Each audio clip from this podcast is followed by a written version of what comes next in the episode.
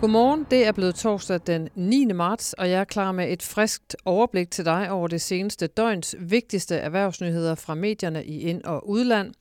Denne morgen skal vi rundt om robotter og algoritmer, CO2-læring, muligheden for en stor konflikt, og så den seneste udvikling i sagen om Moderaternes kulturordfører Jon Steffensen.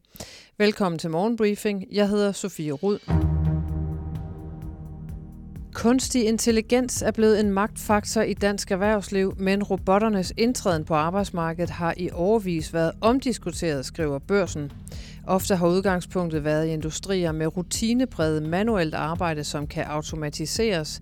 Men med kunstig intelligens gør robotterne klar til at rykke ind i helt nye brancher og fagområder, fortæller eksperter.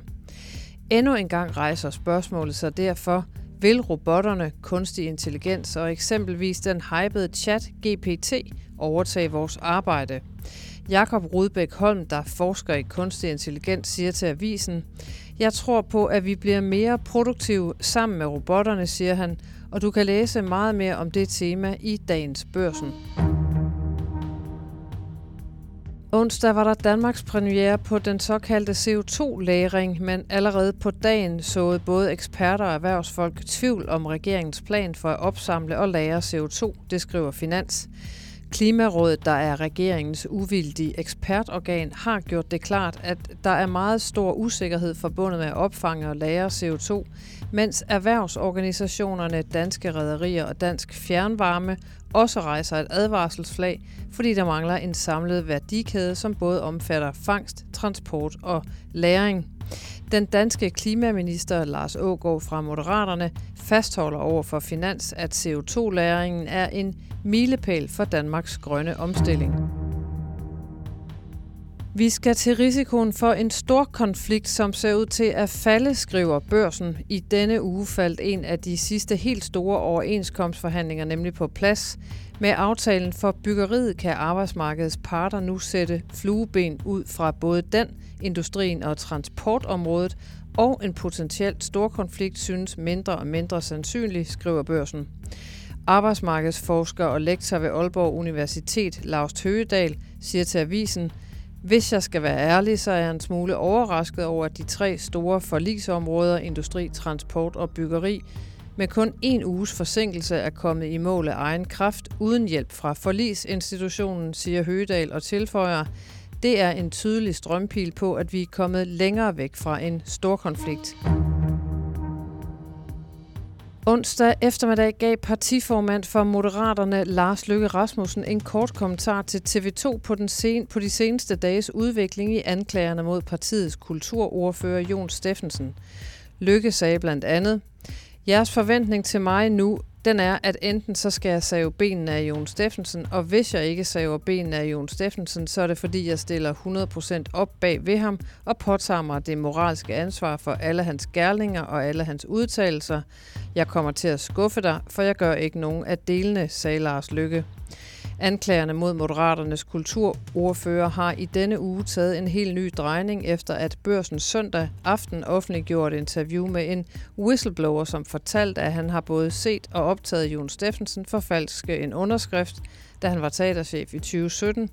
Og tirsdag skrev TV2 så en artikel, hvor i 30 tidligere ansatte og kolleger til Jon Steffensen fortalte om en grænseoverskridende og ubehagelig ledelsesstil gennem hans mange år i teaterbranchen.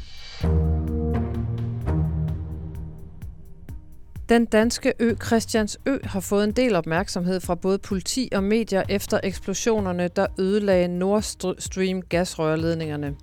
Men eksplosionerne fyldte onsdag godt op i de internationale medier også, og diskussionerne på regeringsniveau i Europa, det skriver Financial Times.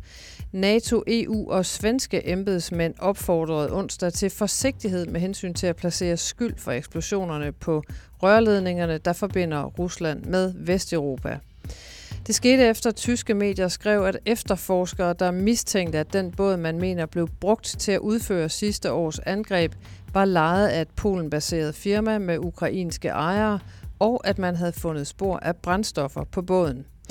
Den tyske forsvarsminister Boris Pistorius antydede onsdag, at de skyldige kan have opereret under såkaldt falsk flag for at skyde skylden på andre, i dette tilfælde ukrainere, det skriver Financial Times. Chefen for den amerikanske centralbank Jerome Powell blev lidt mildere i tonen onsdag, da han ved endnu en tale i den amerikanske kongres understregede, at centralbanken ikke har besluttet sig for en strammere rentekurs, men nøje vil følge job- og inflationstal, før banken beslutter, hvor meget man vil hæve renten senere på måneden. Vi har ikke truffet nogen beslutning om mødet i marts, understregede Powell til House of Financial Service udvalget, og det skriver Bloomberg. Og til aktiemarkederne, hvor det amerikanske aktiemarked benyttede handlen onsdag til at konsolidere efter tirsdagens store kursstyk. S&P 500-indekset lukkede med en stigning på 0,1 procent, mens Nasdaq steg 0,4 procent. Også de danske eliteaktier fik endnu en tur i renterutsjebanen onsdag. C25 lukkede med et tab på 0,8 procent. Følg markederne på borsen.dk Investor. Der bliver ingen børsnotering af tech-selskabet Mew. På få dage er noteringen kørt fuldstændig af sporet, og en stribe afsløringer tvinger nu selskabet til at droppe planerne. Det fremgår af en meddelelse fra selskabet onsdag. Meddelelsen kommer efter, at børsen har afdækket tvivlsomme regnskabsforhold i selskabet med manglende revision af tal i prospektet og værdiansættelser af ventureinvesteringer, som investorer har kaldt luftige. Samtidig har mediet Frihedsbrevet afsløret selskabets stifter Armin Kavushi i flere løgne om alt fra en fodboldkarriere til en doktortitel og hans uddannelse. I den seneste udgave af Børsens Investor-podcast taler min kollega Tina Rising med Børsens Investor-redaktør Simon Kirketab om de seneste dages udvikling i den historie. Simon, du har gravet lidt i det her. Hvad er det, der er op og ned? Jamen, jeg har gravet meget i det, og jeg har også øh, interviewet øh, den nu tidligere direktør Armin Kavushi her i forbindelse med noteringen. Og øh, det er vel lidt den der med, når noget lyder for godt til at være sandt, så er det det som regel også. Altså, jeg har egentlig lidt hele vejen i forløbet her haft den der lidt underlige fornemmelse af, at der er noget her, der ikke stemmer.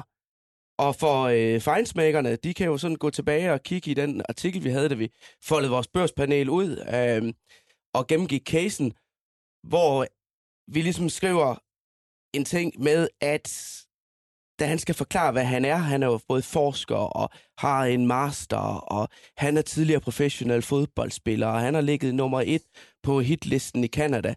Så tager, så, tager, så tager vi lige det forbehold, vi skriver, at han fortæller selv, fordi vi havde sådan en underlig følelse af, det her, det strider simpelthen for meget. Det kan simpelthen næsten ikke være rigtigt. Og det viser det sig jo så også, det ikke er. Det har Frihedsbrevet rullet ud i en uh, artikel her i tirsdag med rubrikken Dansk Tech-komet afsløret få dage før børsnotering, stifter løg om doktortitel, kandidatuddannelse i neurovidenskab og udgav sig for at være forsker uden belæg. Og det er jo bare nogle af de få forhold, der er mm. kommet frem. Hvis du vil høre hele Investor-podcasten, så kan du finde den der, hvor du også lytter til Morgenbriefing.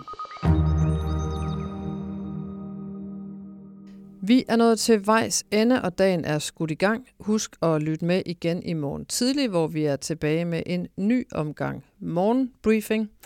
Og indtil da så ønsker jeg dig en dejlig sneklædt torsdag.